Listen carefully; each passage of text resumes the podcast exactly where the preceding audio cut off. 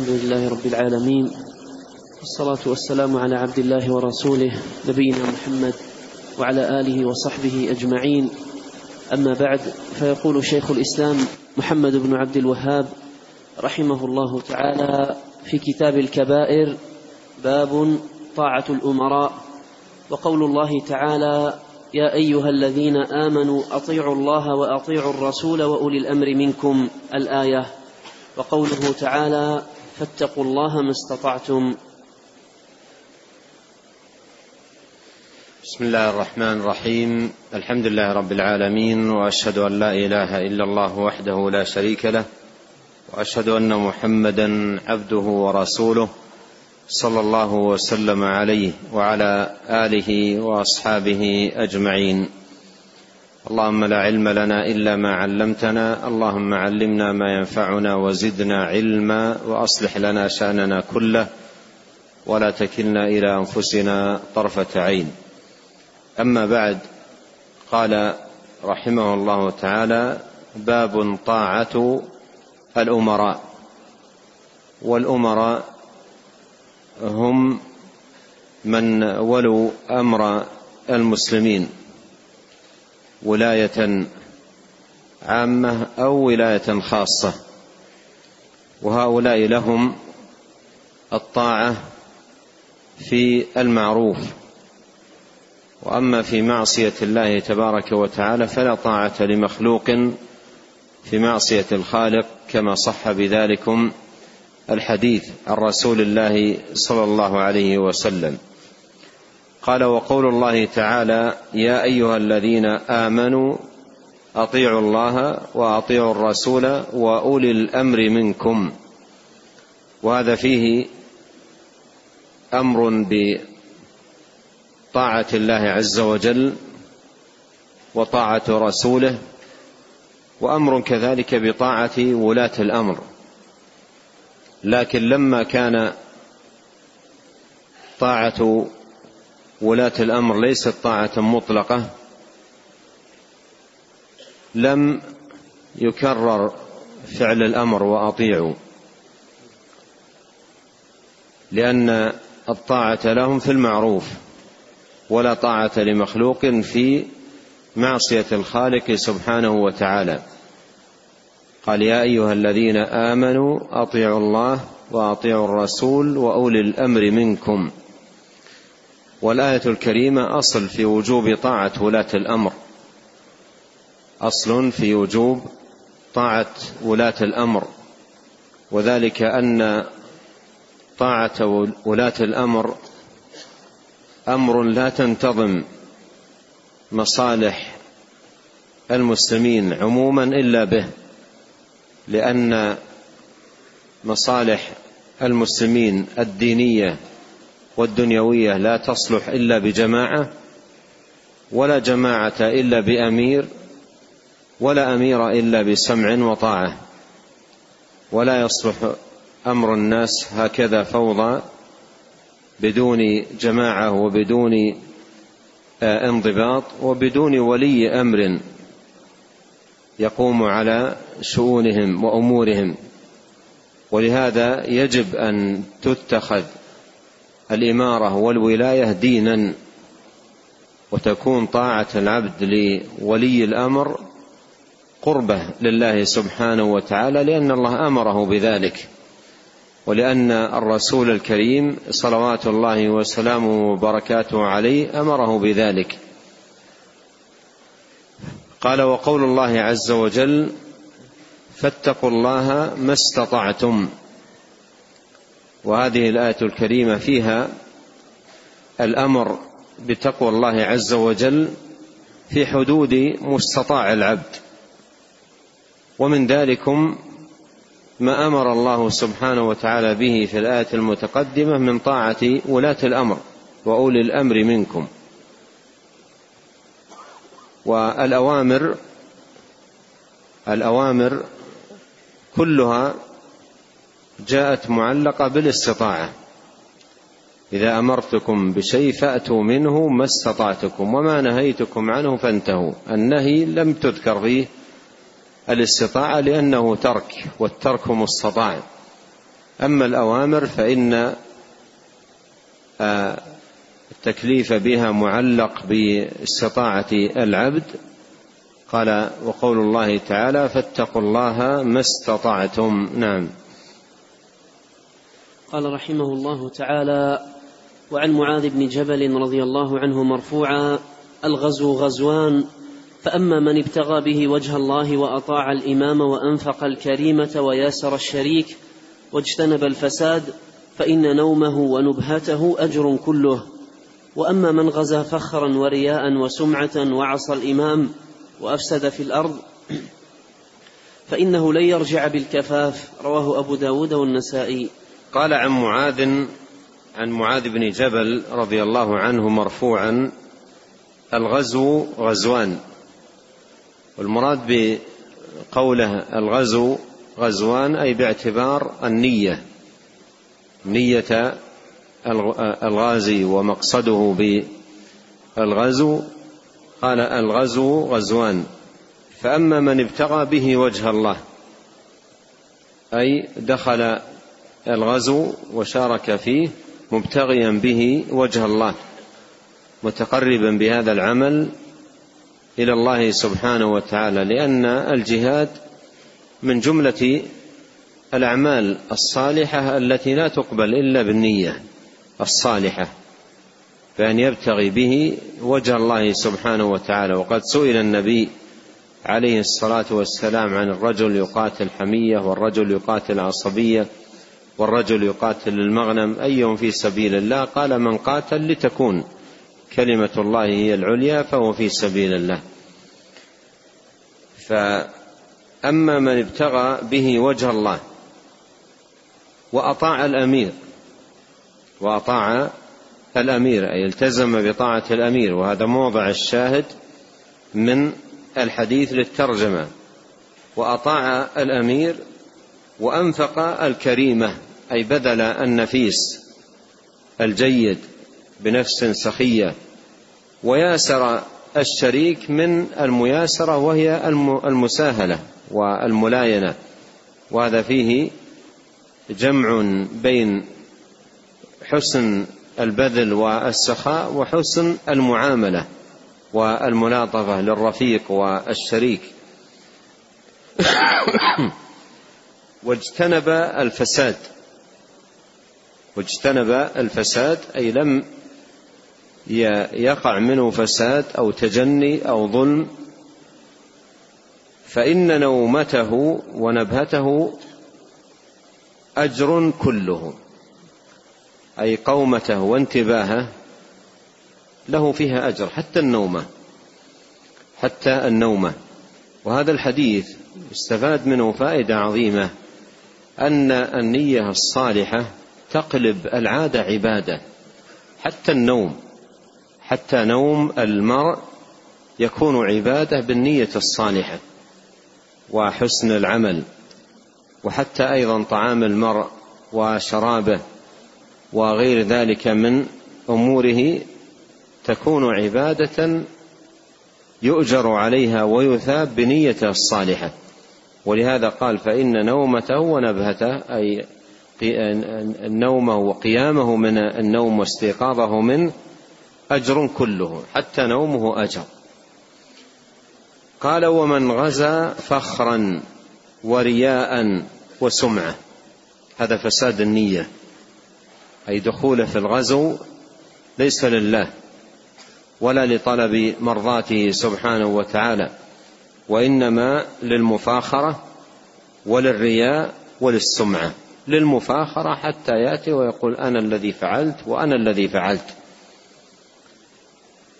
وللرياء أي للتظاهر بهذا العمل. يزين عمله من أجل أن يرى الناس من أجل أن يراه الناس فيقولون مجاهد أو يقولون شجاع أو مقدام أو نحو ذلك. فخرا ورياء وسمعة وعصى الإمام. أي لم يلتزم بطاعة الإمام. عرفنا أن الأمور لا تنتظم إلا بالطاعة. لا تنتظم إلا بالجماعة ولا جماعة إلا بإمام ولا إمام إلا بسمع وطاعة. وأفسد في الأرض. وأفسد في الأرض أي عثى فسادا بالتعدي والظلم ومن ذلك أن يقتل الوليد وأن يقتل الشيخ وأن يفسد في في في الأموال وأن يعمل على إتلافها بغير حق. هذا كله من الفساد والبطر. ولم يأتي الإسلام لهذا الفساد وإنما جاء لإصلاح الناس وإنقاذ البشرية من جهالة الشرك والكفر والضلال إلى نور الإيمان وسنى التوحيد وضيائه. قال فإنه لا يرجع بالكفاف. فإنه لا يرجع بالكفاف. الذي يرجع بالكفاف هو الذي لا له ولا عليه. الذي يرجع بالكفاف هو الذي لا له ولا عليه. لا له أي الأجر ولا عليه الوزر فمثل هؤلاء الصنف الثاني لا يرجعون بالكفاف الذي لا له ولا عليه. إذا معنى ذلك أنه يرجع بالإثم. معنى ذلك أنه يرجع بالإثم والوزر نعم. قال رحمه الله تعالى عن ابن عمر رضي الله عنه مرفوعا على المرء المسلم السمع والطاعة فيما أحب وكره إلا أن يؤمر بمعصية فإذا أمر بمعصية فلا سمع ولا طاعة. أخرجاه. قال وعن ابن عمر رضي الله عنهما مرفوعا على المرء المسلم السمع والطاعة. وقوله على المرء هذه تفيد الوجوب. هذه الصيغة تفيد الوجوب أي أنه واجب على المرء أن يقوم بذلك على المرء المسلم السمع والطاعة. السمع والطاعة أي للأمير. السمع والطاعة أي للأمير. فيما أحب أي المرء وكره. فيما أحب وكره. أي ما يكلف به من من عمل أو أمر أو يطلب منه قيام القيام به يقوم به سواء كان محبا لهذا العمل أو كارها له غير ميالة إليه نفسه. إلا أن يؤمر بمعصية. إلا أن يؤمر بمعصية. أي فإن أمره الوالي بمعصية لله سبحانه وتعالى فلا يجوز له أن يطيعه. إن أمره بالزنا إن أمره بشرب الخمر إن أمره بترك الصلاة أو غير ذلك فإنه لا يطيع لأنه لا طاعة لمخلوق في معصية الخالق. قال فإلا أن يؤمر بمعصية فإذا أمر بمعصية فلا سمع ولا طاعة لأنه لا طاعة لمخلوق في معصية الخالق. نعم. قال رحمه الله تعالى باب الخروج عن الجماعة. وقول الله تعالى ومن يشاقق الرسول من بعد ما تبين له الهدى ويتبع غير سبيل المؤمنين نوله ما تولى الآية. وقوله تعالى واعتصموا بحبل الله جميعا ولا تفرقوا الآية. قال باب الخروج عن الجماعة. والمراد بجماعة الجماعة جماعة المسلمين ويد الله على الجماعة ومن شد شد في النار والواجب على المرء المسلم أن يلزم جماعة المسلمين وإمامهم أن يلزم جماعة المسلمين وإمامهم ولا يفرق الجماعة ولا يشق آه، أيضا آه، آه، لا يشق لا ينشق عن الجماعة ويشد بل يكون ملازما لجماعة المسلمين سامعا ومطيعا لإمام المسلمين. قال باب الخروج عن الجماعة. باب الخروج عن الجماعة. قال وقول الله تعالى ومن يشاقق الرسول من بعد ما تبين له الهدى ويتبع غير سبيل المؤمنين نوله ما تولى ونصله جهنم وساءت مصيرا والشاهد من الآية قوله سبحانه وتعالى ويتبع غير سبيل المؤمنين ويتبع غير سبيل المؤمنين. ومن سبيل المؤمنين أن يلزم جماعة المسلمين كما أمر بذلك في شرع الله وفي الأحاديث الكثيرة عن رسول الله صلوات الله وسلامه وبركاته عليه. قال وقول الله تعالى واعتصموا بحبل الله جميعا ولا تفرقوا والشاهد من الآية قوله ولا تفرقوا وأن الفرقة شر لا خير فيها. والجماعة رحمة. ولا صلاح للمسلمين إلا بالاجتماع ولا اجتماع ولا جماعة إلا بإمام ولا إمام إلا بسمع وطاعة قال نعم. رحمه الله تعالى عن ابن عباس رضي الله عنهما مرفوعا من كره من أميره شيئا فليصبر فإنه من خرج من السلطان قيد, قيد شبر مات ميتة جاهلية. أخرجاه. قال عن ابن عباس رضي الله عنهما مرفوعا أي إلى النبي عليه الصلاة والسلام من كره من أميره شيئا. من كره من أميره شيئا. أي شيئا في تعامل الأمير أو هضمه لبعض الحقوق أو استئثاره بشيء من أمور الدنيا أو نحو ذلك فليقابل ذلك بالصبر. إلى هذا أرشد صلوات الله وسلامه وبركاته عليه. قال فليصبر.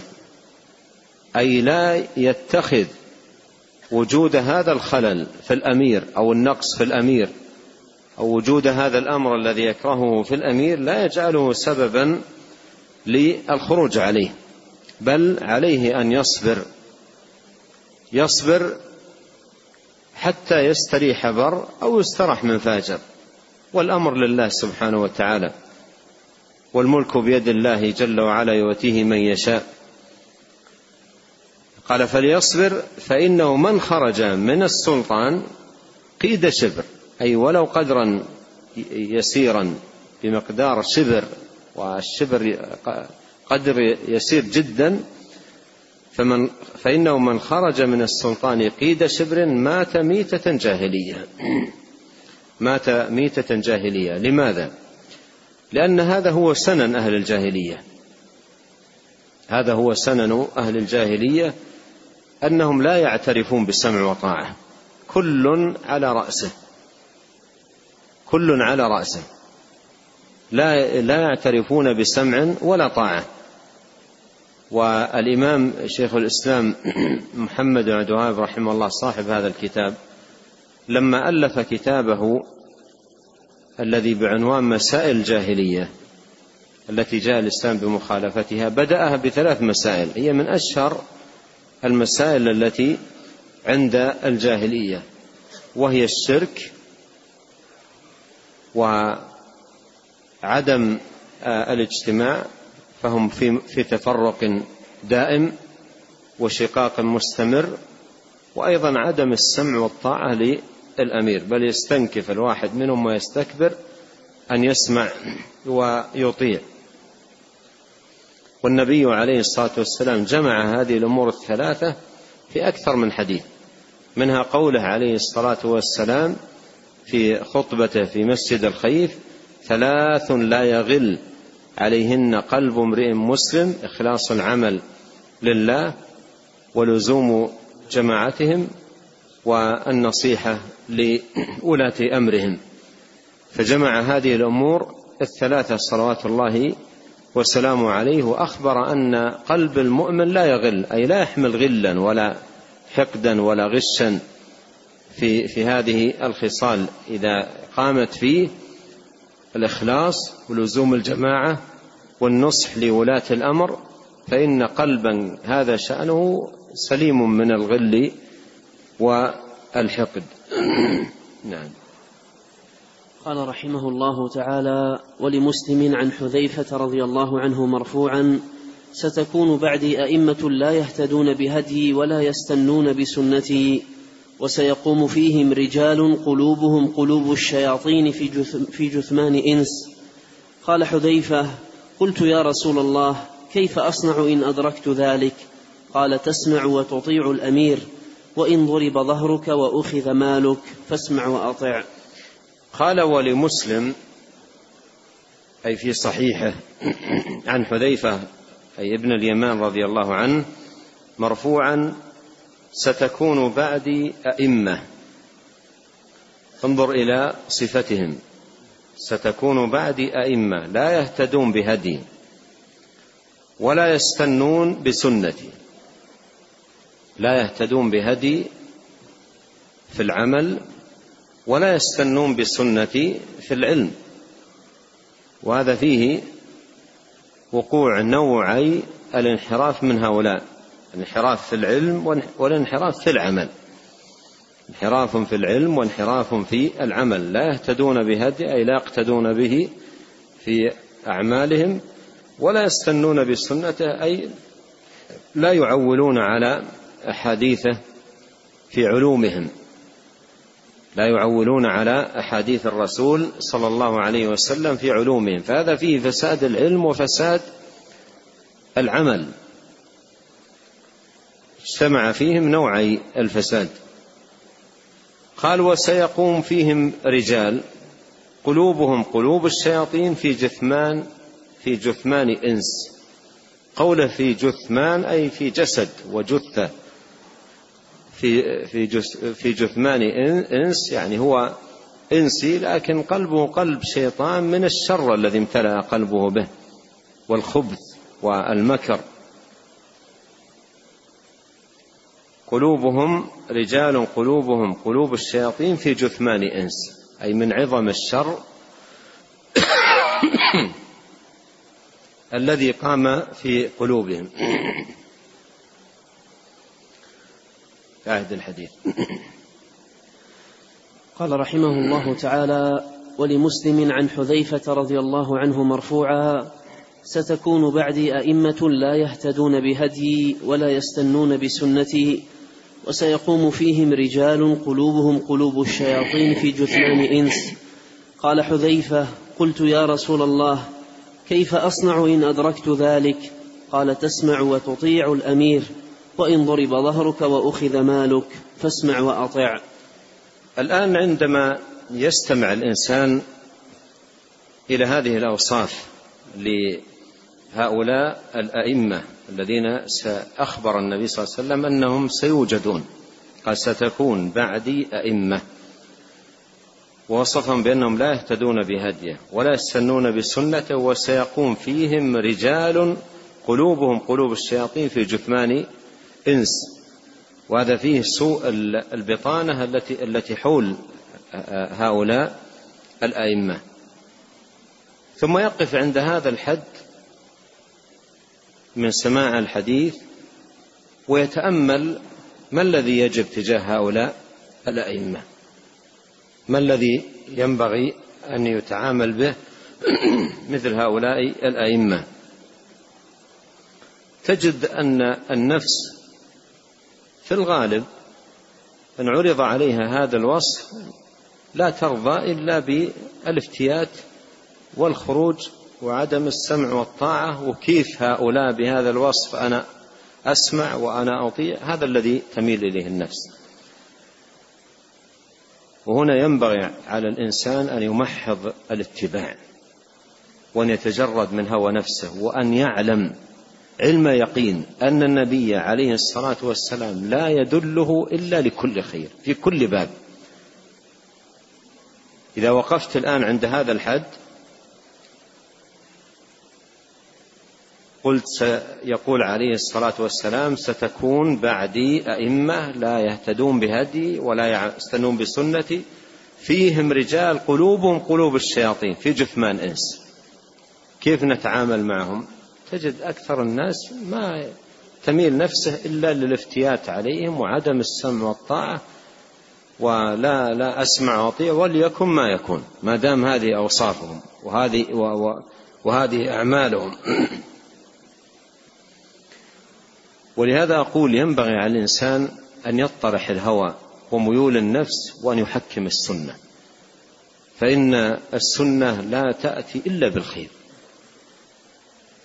وجرب الناس في في عدد من المجتمعات عبر أيضا عدد من فترات التاريخ مخالفة هذه الأمور فلم يحصلوا إلا شرا لم يحصلوا إلا إراقة الدماء وانتهاك الأعراض وانتهاب الأموال وحصول الفوضى وأصبح الإنسان حتى دينه لا يأمن عليه وحتى عبادته لا يستطيع أن يقوم بها. قال حذيفة قلت يا رسول الله كيف أصنع؟ إن أدركت ذلك. انتبه هنا أيضا إلى كلام حذيفة. لما سمع هذه الأوصاف التعامل مع هؤلاء ليس متروكا لهوى الإنسان ورغبته ولهذا سأل حذيفة قال كيف أصنع؟ أما كيف أصنع؟ ما لا ترجع إلى رغبتك أو إلى هواك أو إلى الشيء الذي تميل له نفسك. ترجع إلى الشرع الشرع هو المحكم. قال كيف أصنع؟ إذا أدركت ذلك قال تسمع وتطيع. قال تسمع وتطيع. أي لهؤلاء الولاة الذين هذا وصفهم اسمع وأطع. تسمع وتطيع وإن ضرب ظهرك وأخذ مالك فاسمع وأطع. وإن ضرب ظهرك وأخذ مالك فاسمع وأطع. فهذا الذي أرشد إليه النبي عليه الصلاة والسلام. ومن ركب الهوى لا يقبل ذلك ولا يرضى بهذا الحديث. ولا يرضى بهذا الحديث حتى إن بعض أهل الأهواء الباطل واصحاب ركوب الأهواء إذا أرادوا أن أن يذموا من من هم ملتزمون بهذه الأحاديث يقولون عنهم قوم اسمع وأطع وإن ضرب ظهرك وأكل مالك. يكون قوم اسمع وأطع وإن ضرب ظهرك وأكل مالك. إلى هذا الحد. في الاستخفاف بأحاديث الرسول الكريم صلوات الله وسلامه عليه. يقول هؤلاء قوم اسمع وأطع. وإن أخذ ضرب ظهرك وأخذ مالك. أي أنهم ليسوا كذلك هم وشأنهم مختلف تماما عن ذلك. إلى هذه الدرجة وجد الاستخفاف بأحاديث الرسول الكريم صلوات الله والسلام عليه. أين قول الله تعالى فلا وربك لا يؤمنون حتى يحكموك فيما شجر بينهم ثم لا يجدوا في أنفسهم حرجا مما قضيت ويسلموا تسليما. نعم. قال رحمه الله تعالى وله عن عربشة الأشجعي رضي الله عنه مرفوعا من أتاكم وأمركم جميع على رجل واحد يريد أن يشق عصاكم ويفرق جماعتكم ويفرق جماعتكم فاقتلوه. قال وله عن عرفجة الأشجعي رضي الله عنه مرفوعا من أتاكم وأمركم جميع على رجل واحد أي أمركم منتظم ومجتمعين على رجل واحد يريد أن يشق عصاكم ويفرق جماعتكم اي يريد أن يخرج على آه، الإمام ويفتات على ولي الأمر وأن يفرق الجماعة وأن يبعثر هذا الاجتماع وأن يوجد فرقة بين الناس بحيث يكون بدل ما هم مجتمعين على إمام واحد وليكن فيه من النقص وأمورهم ماضية ومصالحهم ماضية وعبادتهم لله سبحانه وتعالى ماضية. والأمن على الأعراض والأموال إلى غير ذلك ثم يأتي ليفرق هذا الجمع بحيث تبدأ التفرقات والتحزبات والانقسامات مما يعود على المسلمين بالشر وإراقة الدماء وانتشار الفوضى وعدم الأمن على الأعراض وعدم أمن السبل وعدم تيسر القيام بالواجبات والعبادات الدينية إلى غير ذلك. فإذا جاء أحد والناس مجتمعين على إمام واحد يريد أن يشق العصا ويفرق هذا الجمع قال النبي صلى الله عليه وسلم فاقتلوه لأن من كان كذلك فهو شر على الناس. نعم. قال رحمه الله تعالى باب ما جاء في الفتن. وقول الله تعالى واتقوا فتنة لا تصيبن الذين ظلموا منكم خاصة. الآية. وقوله هو القادر على أن يبعث عليكم عذابا من فوقكم أو من تحت أرجلكم أو يلبسكم شيعا. الآية. نعم. قال عن ابن عمرو رضي الله عنهما قال كنا مع النبي صلى الله عليه وسلم في سفر فنزلنا منزلا فمنا من يصلح خباءه ومنا من ينتظل ومنا من هو في جشره. إذ نادى منادي رسول الله صلى الله عليه وسلم الصلاة جامعة. إذ نادى منادي رسول الله صلى الله عليه وسلم الصلاة جامعة.